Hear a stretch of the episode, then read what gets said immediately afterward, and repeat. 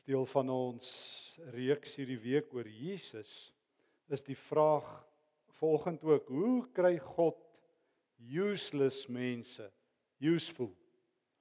Hoe kry God nuttelose mense nuttig? Bill Knight is die oom se naam wat daar op die video gepraat het. Hy's al dood. Klompie jare gelede het hy hierdie vraag vir homself gevra. Het hy die opmerking gemaak, ek hoop julle dit gehoor. I've outlived my usefulness for people. Ek beteken eintlik niks vir iemand nie.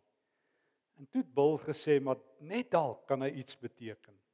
Net hy vir van die Amerikaanse troepe soos hulle van die oorlog af gekom het, net by 'n lughawe 'n handdruk gaan gee. En dit het mense so geïnspireer dat hy hulle koffie gebring het en party hulle begin dien het. En uiteindelik het hulle 'n film oor hierdie mense gemaak en het hulle ook met die Amerikaanse president gesels. Maar dit bly 'n vraag.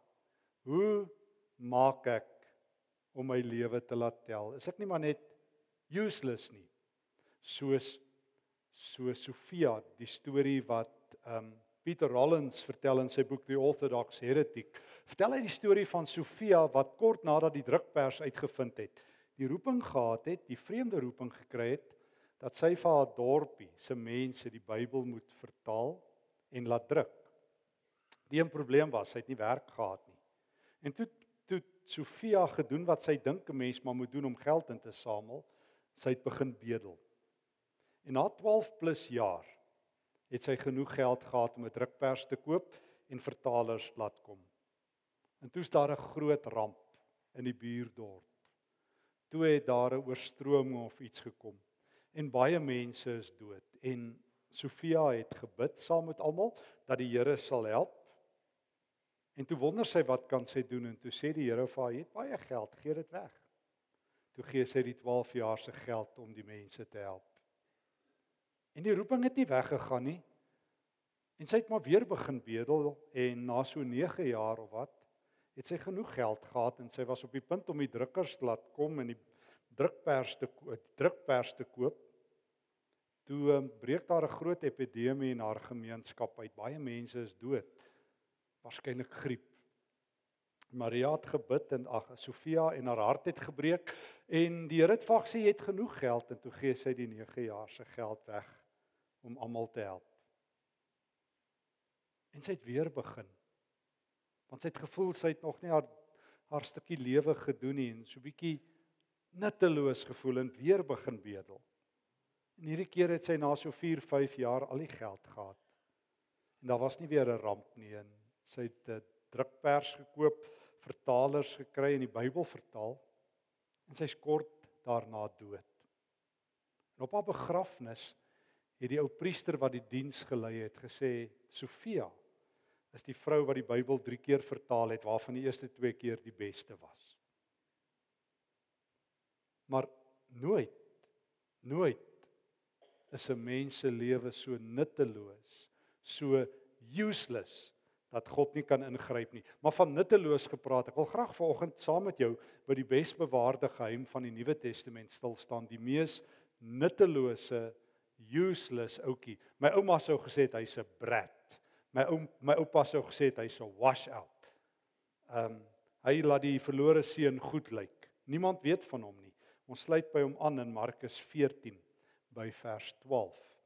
En dit is ons kan dit baie akkuraat dateer as op die 29ste April van die jaar 30 na Christus hier rondom 3:00 die middag. So ons weet presies wanneer ons hierdie useless nuttelose bread washout ontmoet. Dit was die eerste dag van die fees van die ongesuurde brode, wanneer die paaslammers geslag word, die donderdag voor ons Here Jesus se kruisiging. En ons ons aanvaar dat hy ehm um, gekruisig is ehm um, in die jaar 30.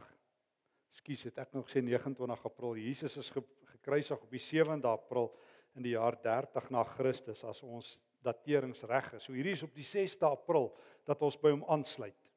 En Jesus stuur twee van sy disippels, um, Markus 14 vers 13, gaan na die stad toe. Daar sal 'n man wat 'n kruik water dra julle ontmoet. Gaan saam met hom en gaan in daai huis in.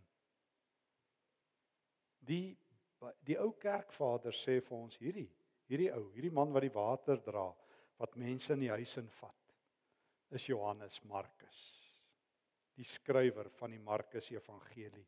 En hierdie jong man beleef daar en is waarskynlik sy ma se huis, ons gaan nou sien in Handelinge 12. Beleef daar hoe die Here Jesus die grootste ete ooit in die vroeë kerk. Nee nee, in die wêreld ook in ons dag uh instel. Ons noem dit die nagmaal foutiewelik. Nooit praat die Nuwe Testament kantlyn opmerking van die nagmaal nie. In elk geval eet ons die meeste van die tyd nagmaal in die oggend, maar ons praat van 'n nagmaal. Ek bedoel, as ek vir my vriende nooi vir 'n vir 'n vir 'n aandete en hulle daag nie vir ontbyt op nie gaan, dis iets soos dit. Jy sê mos nou wat se soort ete is dit?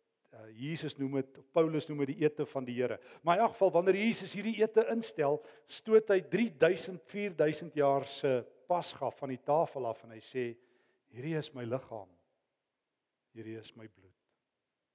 En hierdie jong man wat die water dra, is daar. En net daarna gaan Jesus Getsemane toe en daag Judas op met sy verraderlike soen waarby ons later in die week sal stil staan. En dan lees ek in Markus 14 vers 50. Toe het al sy disippels hom in die steek gelaat en weggehardloop. Maar dit raak erger. Vers 51. 'n sekere jong man is saam agter Jesus aan met 'n doek om sy lyf. Die mense gryp hom toe, maar hy het die doek gelos en kaal weggehardloop. Johannes Markus, die eerste Christelike kaalnaler in die geskiedenis, die eerste strieker. Die uitverkoper van Jesus. Donderdagmiddag loop hy en die disippels van Jesus vas. Donderdag aand sit hy saam met die Here Jesus aan tafel. Donderdag aand trek hy sy eerste groot streep op Jesus toe hy kaal weghardloop. O, ons onthou net daarna in vers 66 hoe Petrus Jesus verloon het. Ons onthou almal hoe Petrus Jesus uitverkoop het. Skrikwekkend, sies man. En ons onthou hoe Judas Jesus met 'n soen verraai en die ander disippels handsoppers is, maar niemand weet van Johannes Markus wat die grouwe belediging het deurdat hy uit sy klere uit hardloop nie. O in, in die in die tyd toe Jesus op aarde was en sekerlik vandag nog as jy iemand wil verneder dan trek jy jou klere uit. In die publiek en jy skaam hulle en jy skaam jouself. Jy bring soos die Engelse sê shame op almal. So begin Johannes Markus se tragiese storie. So staan hy berig en bekend in die vroeë kerk in elk geval vergeete in ons dag die droster, die useless ouetjie, die useless, die gebruik minder etiket is op hom. Trouwens, hy is so useless dat dit ons so ongeveer 11, 12 jaar vat voordat sy naam weer in die Nuwe Testament opduik. Kom ons druk dit vinnig vorentoe die fast forward knoppie na Handelinge 12. Teen die tyd dat Handelinge 12 geskryf word, het daar baie water in die kerklike see geloop. Die Heilige Gees is uitgestort. Ons gaan vanaand bietjie oor die Gees op praat. En die kerk het gegroei, die Jerusalem gemeente tot 3000 plus mense soos ons lees. Handelinge 2, Handelinge 4. Stefanus is vermoor, eerste martelaar, Handelinge 7. Kerk versprei Antiochië toe, Handelinge 8. En nou in die jaar 41 is daar ook 'n nuwe keiser aan die bewind keiser Tiberius wat aan bewind was toe Jesus um, gekruisig is, is vermoor. Hy's opgevolg deur 'n mal keiser Gaius Caligula wat ook vermoor is. En nou is daar 'n nuwe keiser pas aangestel, keiser Claudius. En soos wat dit maar gaan in die Romeinse ryk, is die keisers korrup. Ons weet nou nie van korrupte politici nie, maar maar Claudius stel toe sommer onmiddellik sy vriend Herodes Agrippa as koning van die Jode aan. En ons lees in Handelinge 12 dat toe hy die koning word in Jerusalem, het hy besluit om 'n bietjie om 'n bietjie wreed te raak en die tweede martelaar word vermoor. Jakobus, die broer van Johannes. En Petrus is gevang met die oog op 'n doodsvonnis. En dan lees ek terwyl Petrus in die tronk was, Handelinge 12 vers 12. Terwyl hy in die tronk was, het die vroeë kerk gebid hier rondom erns tussen die jaar 41 en 44. Ons lees dat as die boeye van Petrus se hande val en hy uitgaan, uit die tronk uit dan met die gedagte is hy na die huis van Maria, die moeder van Johannes wat ook Markus genoem is, waar baie gelowiges saam was om te bid. Net miskien het nuttelose Johannes Markus, kaal hardloper, droster, guns gekry. Ja, dis hoe die Here is. Hy hou nie boek nie. In die hemel is daar nie soos by Google of by Apple 'n cloud, 'n wolk waar alles gestoor word. Die God is nie lus vir data wat hy nie wil gebruik nie. En net Markus nuut begin. En was daar 'n nuwe seisoen en en kort daarna, as ons die vinnig vorentoe knoppie nog 'n keer kan druk na die jaar 46 na Christus, so so 2-3 jaar later en jy saam met my blaai na Handelinge 13 toe, het die Here 'n wonderlike ding gedoen in die gemeente van Antiochië, die tweede kerk in die vroeë kerk, tweede gemeente. Hy het 'n eyster van 'n man daarop gerig. Sy naam is Paulus. En Paulus het baie goue roeping gekry, sien ons in Handelinge 13 vers 2 om die evangelie die hele Romeinse ryk in te vat. En Paulus het besluit om sy kollega en vriend Barnabas saam te vat. En Barnabas het 'n neefie gehad en sy naam is Johannes Markus. En toe vra hy vir Paulus, "Kan Johannes Markus nie dalk saam met ons op hierdie eerste sendingreis kom nie?" En hy het dit toegelaat. En daar is hierdie drie manskap, Paulus, Barnabas en Markus op die eerste sendingreis, op die voorpunt om die evangelie diep in die donker in te vat, om die lig te laat skyn. Handelinge 13 vers 13. Paulus en sy reisgenote het met 'n skip van Pafos af vertrek en by Perge in Pamfilië aangekom in huidige Turkye. Hoor nou, daar het Johannes hulle verlaat en na Jerusalem toe teruggegaan. Daar het Johannes Markus gedros. Handdoek ingegooi die jaar 46. Sy ou streke, die eerste Christelike kaalnaler word die eerste henshopper, die eerste droster op die sendingveld, los die twee eisters van die Here alleen. Krimp die Christendom in Turkye met 33% in een middag. Net Paulus en Barnabas is oor. Het Markus nie by Paulus gehoor dat daar 'n stryd is om te stry nie. Het hy nie Efesiërs 6 wat Paulus later skrywe by Paulus self geleer dat ons stryd is teen nie teen vlees en bloed nie, maar teen die owerhede, dat ons sterk moet staan, die wapens van die Here moet aantrek. O een ding as jy saam met Paulus was, het jy geweet jy's nie op jy's op 'n skip van die Here. Daar's nie 'n passasiersboot nie. Dis nie 'n passasiersboot waar mense elke kort kort kom hardloop en sê, "Is jy tuis in die gemeente? Kan ons dit vir u lekkerder maak nie? Wat het jy nodig 'n geestelike duitjie of 'n geestelike duitjie nie en en sit lekker op die dek en ons gaan net so lekker wees nie?" O Paulus het geweet dis 'n oorlogskip. Hier word jy geskiet. Het Paulus nie vir Markus geleer soos wat hy vir die Galasiërs skryf in 2 vers 19 en 20? Ek is saam met Christus gekruisig sou Markus nie al teen hierdie tyd onthou het omdat die kerk hom daarin sal onthou het dat Jesus in Markus 8 vers 34 35 gesê het dat dat as jy agter my wil aankom sal jy jou lewe verloor nie. Jy sal jou kruis moet dra nie. Sou hy nie onthou het wat Lukas neergeskryf het in Lukas 14 dat voordat jy Jesus volg jy die prys moet bereken. Dis soos 'n oorlog waar jy met 10000 soldate moet dink of jy teen 20000 moet ingaan. Jy moet dink wat dit kos. Markus het nie die prys bereken nie. Dis nie romanties nie. Dis 'n doodsvonnis. Jy dra kruis. Jy's in 'n oorlog. O of jy volg Jesus ter wille van Jesus, maar die byvoordele is min. Dis nie holiday inns en sakke vol geld en luukse hotelle nie, Markus. Dis klippe vir jou kop soos vir jou Here toe hy in Galilea was in Matteus 8. Maar dit is om saam met Jesus te loop. Wat het Paulus laat loop? Wel hy het geweet, hy het die geheim geken Filippense 1. Vir my is om te lewe Christus. Dit was Paulus se ego, dit was sy lewensmusiek. Dit het hom laat opstaan en aanhou. En daarom het hy volhard hy en Barnabas. Met groot moeite sal jy sien hoe loop Paulus se pad verder. In Handelinge 13:14 in Lystra word hy gestenig en vir dood gelos. Jare later skryf Paulus vir die Korintiërs in 2 Korinte 11 vers 3:24. Hy sê vyf maal het hy die gebruikelike 39 houe van die Jode gekry. Drie maal het die Romeine hom geslaan en een maal sy gestenig en dis sommer op die eerste sendingreis. Oop Paulus se lyf is die padkaart van sy evangelie. Paulus se beste teologie hoor jy nie in in in, lokale en in seminaarkamers en in synode gesprekke nie. Paulus hoor jy op die pad as sy lyf die taal praat van sy liefde vir die Here.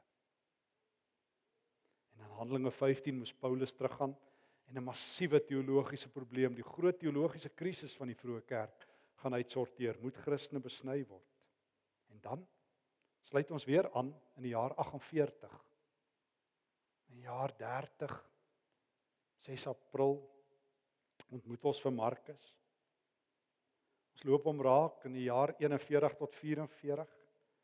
Ons loop hom raak in 46 as droster op die sendingveld en nou in die jaar 48 na Christus as Paulus besluit, ons lees vers 36 van Handelinge 15. 'n Tydjie later het Paulus vir Barnabas gesê: "Kom ons gaan kyk hoe gaan dit met die gelowiges in al die stede waar ons die woord van God verkondig het." Paulus is daarom net dapper. Hm, Hy's daarom net 'n leeu. Ek onthou net so eentjie verder as ehm um, as Paulus in uh Handelinge 21 op pad is Jerusalem toe dan uh, kom die profeet Agabus dan dan maak hy 'n beld uh om sy eie hande vas en sê daar in vers 11 so sê die Heilige Gees die Jode sal in Jerusalem die eienaar van hierdie beld dis Paulus net so vasbind aan hom uitlewer. En dan sê almal vir Paulus Paulus jy moet immigreer Australië toe jou kinders gaan doodgemaak word jy gaan nee so iets maar uh, dit gaan swaar wees jy gaan sterf.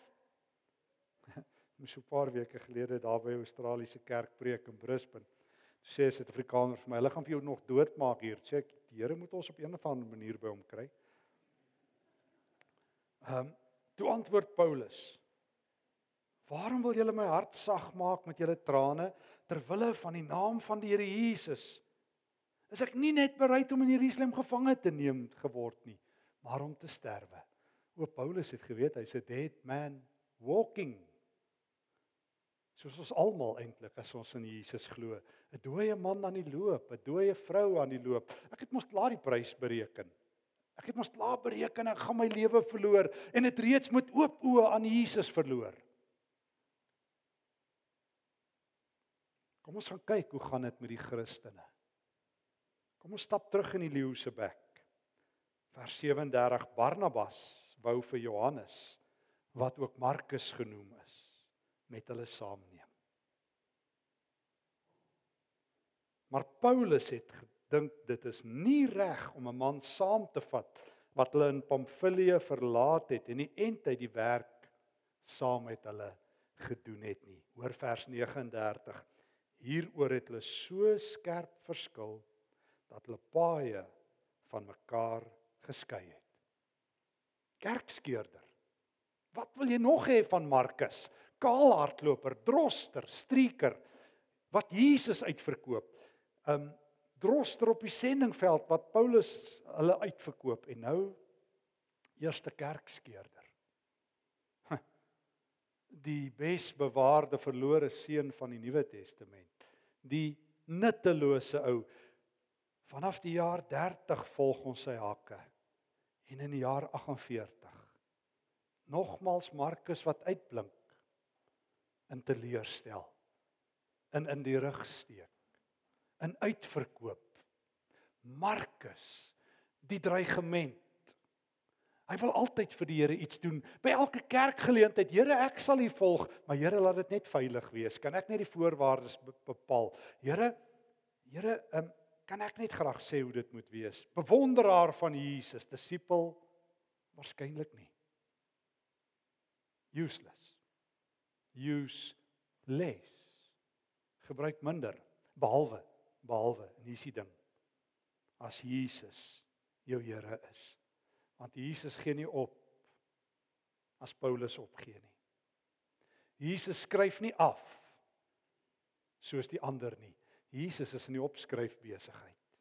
Terwyl ons mekaar afskryf en uitskryf en van die tafel af vee, is Jesus die een wat uitblink in sagte genade. Barnabas het toe vir Markus geneem en met 'n skip na Siprus vertrek. Paulus het vir Silas gekies en vertrek en later vir Timoteus bygebring op die tweede sendingreis. God dank wanneer Jesus jou naam en adres het. Is die einde nie die einde wanneer jy dink dis die einde nie. Dis wanneer Jesus besluit. Kan ons die knoppie nog 'n keer vinnig vorentoe druk? Na die jaar 60 ongeveer na Christus. Nooi hom saam met my te blaai na Kolossense hoofstuk 4. Kolossense hoofstuk 4. Paulus het intussen as deel van sy sendingreise soos ons al mekaar sê nie net sy rug, sy lyf op die spel gesit nie.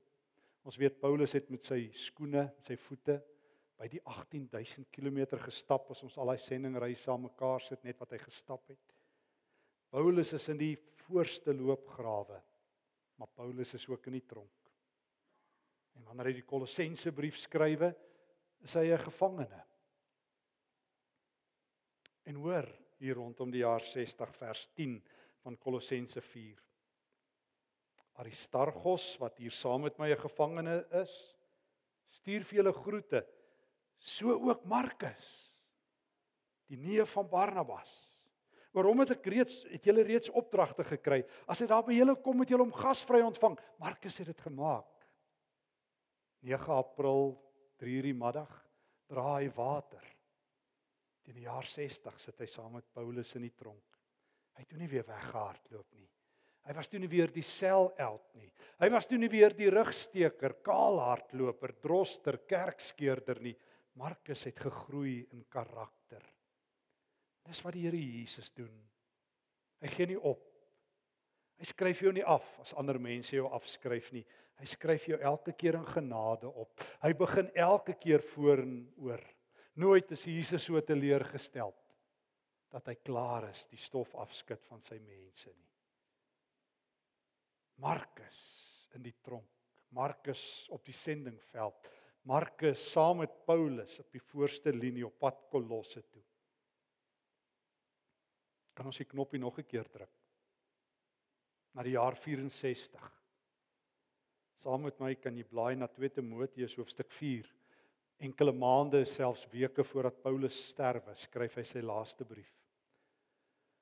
Nog 'n nuwe keiser is aan die bewind. Claudius is dood.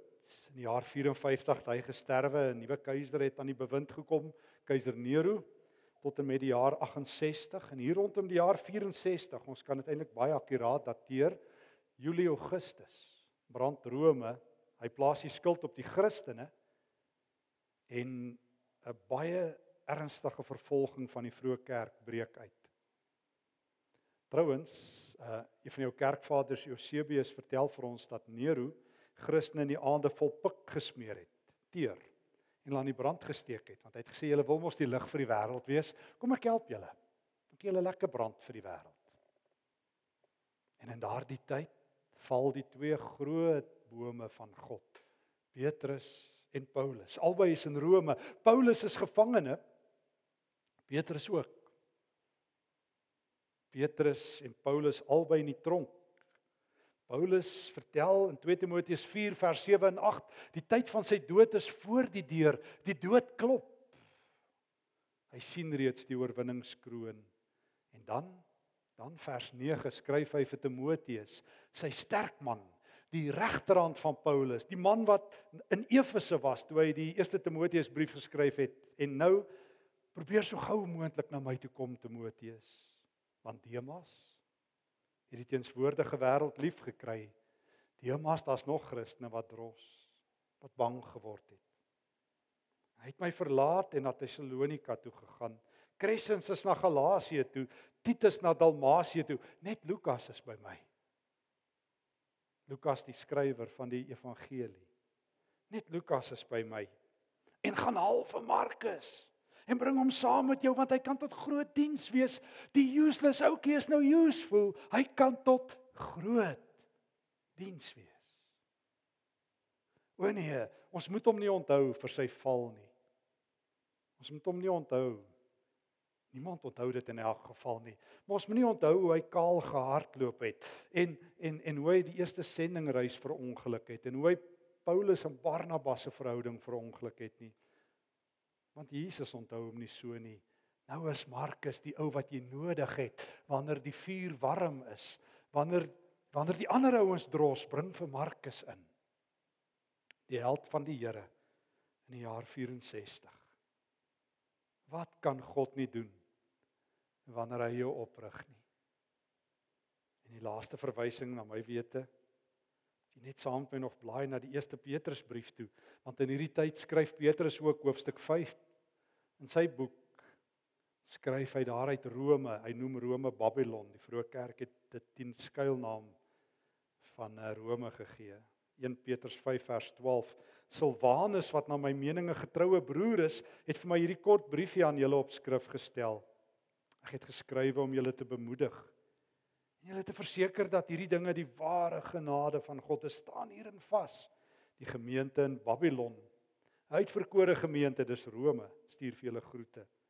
Asook Markus my seun stuur vir julle groete. O Markus is daar wanneer die geseders van God afgekap word. Wanneer Petrus doodgemaak word en Paulus. Timoteus het nie weggehardloop nie. Markus ook nie. Timoteus het gehoor wat Paulus vir hom geskryf het. Die Here het nie vir ons 'n gees van vreesagtigheid gegee nie, maar van krag en liefde en selfbeheersing. En Markus hier's die aflosstokkie vir jou ook. En wat doen wat doen die twee manne wat die aflosstokkie by die leiers vat, die nuwe generasie kerkleiers?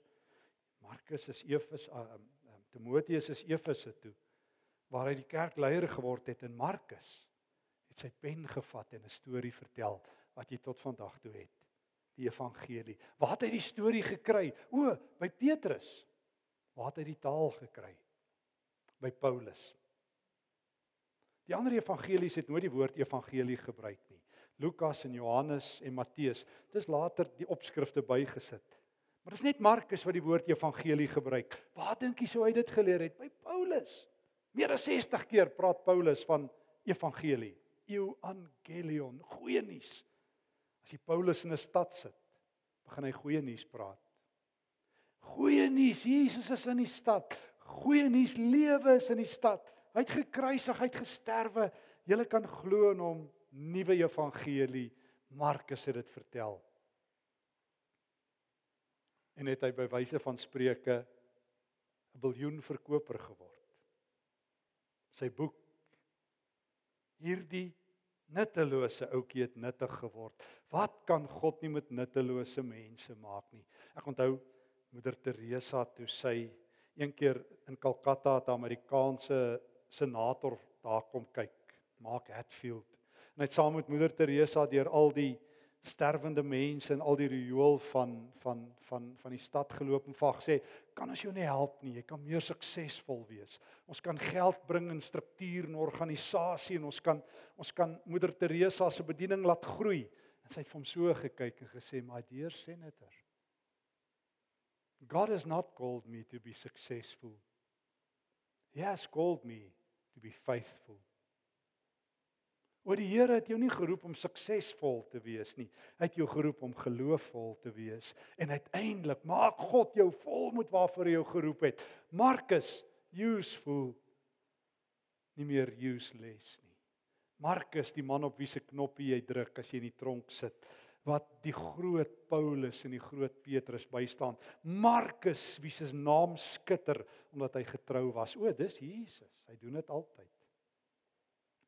Wanneer hy die useless mense raakloop, onthou jy, soos Lukas 7 se vrou wat haar sondige lewe uithuil aan sy voete. Al wat sy het om vir Jesus te gee is haar trane wat sy met haar sondige hare afdroog. Of of die ryk biljoenêr van Jerigo, Saggeus wat in sy boom sit uitgeworpe. En Jesus sê kom gou af Saggeus, ek moet vandag by jou tuis gaan die mees vermorste lewe seker. Daarvoor moet jy na Lukas 23 toe gaan. Wanneer Jesus self besig is om te worstel en te sterf aan die vloekhout, En daar 'n klein gesprek plaasvind in Lukas 23 daar in die vers 40s. Moet die man langs hom. Die man vir hom sê: "Dink aan my, Here. Here, ek het gewerk vir my aftrede. Here, ek is useless. Here, ek het my lewe opgemors. Ek verdien dink net aan my." En Jesus die beste vir laaste los. Jy is nie 'n vermorste lewe nie. Jy hang langs die seun van God. O ek spesialiseer in useless mense. O ek spesialiseer in nuwe kansse, oorbeginne, voorbeginne. O alles jou dit net jou laaste asem gaan ons dit jou beste maak. Jy gaan jou asem uitblaas en hemelse suurstof inasem. Vandag sal jy saam met my in die paradys wees. Dalk het jy ook al gehoor, jy's nutteloos. Ek het dit op skool gehoor, onderwyser het dit vir my gesê. En die lewe het 'n manier om dit vir ons te sê. En dalk voel ons soos Bill Knight, wie se video ons mee begin het, I've outlived my usefulness. Wat kan ek beteken? O nee, maar jy sien, die Here stel nie so baie belang in wat jy vir hom moet beteken nie. Hy stel meer belang dat dat jy hom net sal raak sien. In Lukas 2 lees ek van Simeon Hy was al 'n ou man. En toe kom die Here na hom toe eendag en sê Simeon, jy sal nie sterf voordat jy die Here gesien het nie. Die vraag is nie Simeon wat gee vir my beteken nie. Simeon, die vraag is, gaan jy my sien voor jy doodgaan? Want dan is jou lewe nie 'n nuttelose lewe nie. Hy het getrou uitgesien na die koms van die Messias. En toe die Heilige Gees Lukas 2:27 vir hom gewys, Simeon, jy moet nou tempel toe kom, die Messias is hier. En Simeon het Jesus in sy arms geneem en hy het God geprys en gesê Here, laat die dienaar nou in vrede gaan. Volgens u woord omdat my oë die verlossing gesien het wat u gereed gemaak het. Jesus sê, weet jy wanneer is jou lewe suksesvol, nuttig in sy oë? Wanneer jy die Messias gesien het. Al sien jy hom net met een asem tegen Lukas 23 al sien jy hom vir 30 plus jaar soos Markus sukkelende. En dan kan die Here iets met jou doen. Jou lewe is nie sinneloos nie. Jy is nie 'n komedie van die noodlot nie. Jy is deur God geroep. En weet jy wat? As jy vir jouself sê jy is nutteloos, jy sal nie vir Markus bied daarop nie. Hy het ereklere en Voyager myle nutteloos wees droster, verlonaar van Jesus, kaal hardloper, skeurder van die kerk. Iemand wie se lewe afsluit. Hy kan groot diens vir ons sê. Hy is 'n groot seën. Dis nooit te laat om deur die Here raak gesien te word nie. Die Here sê: "In my oë het jy groot waarde." Die Here sê: "In my oë kan ek groot dinge, my soort groot dinge met jou doen. Maak net jou oë oop. Glo die evangelie en leef. Amen. Here, dankie dat U vir nuttelose Markus aan ons bekendstel vanoggend. Here, ek het al baie keer geval. My vingerafdrukke, my voetspore lê op baie sondes. Ek het al u hart baie keer gebreek. Ek het al mense se harte gebreek en tog tog kom u vanoggend en sê dit maak genik saak nie. Vandag is oor en voorbegin dag. Vandag is 'n nuwe dag. Vandag is die dag van die Here. U het vir Saggeus gesê, "Klim af Saggeus, ek moet vandag by jou wees." Nee, kom sê dit vir my. Dis soos asof die engele dit vir die eerste keer uitroep. Vandag is daar vir jou gebore in die stad Bethlehem Christus die Here. Ek gryp hierdie vandag, Here. Ek sit my lewe aan U voete neer. Dankie dat U 'n nuttelose mens soos ek nuttig kan maak. Here, maak my geloofvol, nie suksesvol nie. Ek meld aan in Jesus se naam. Amen.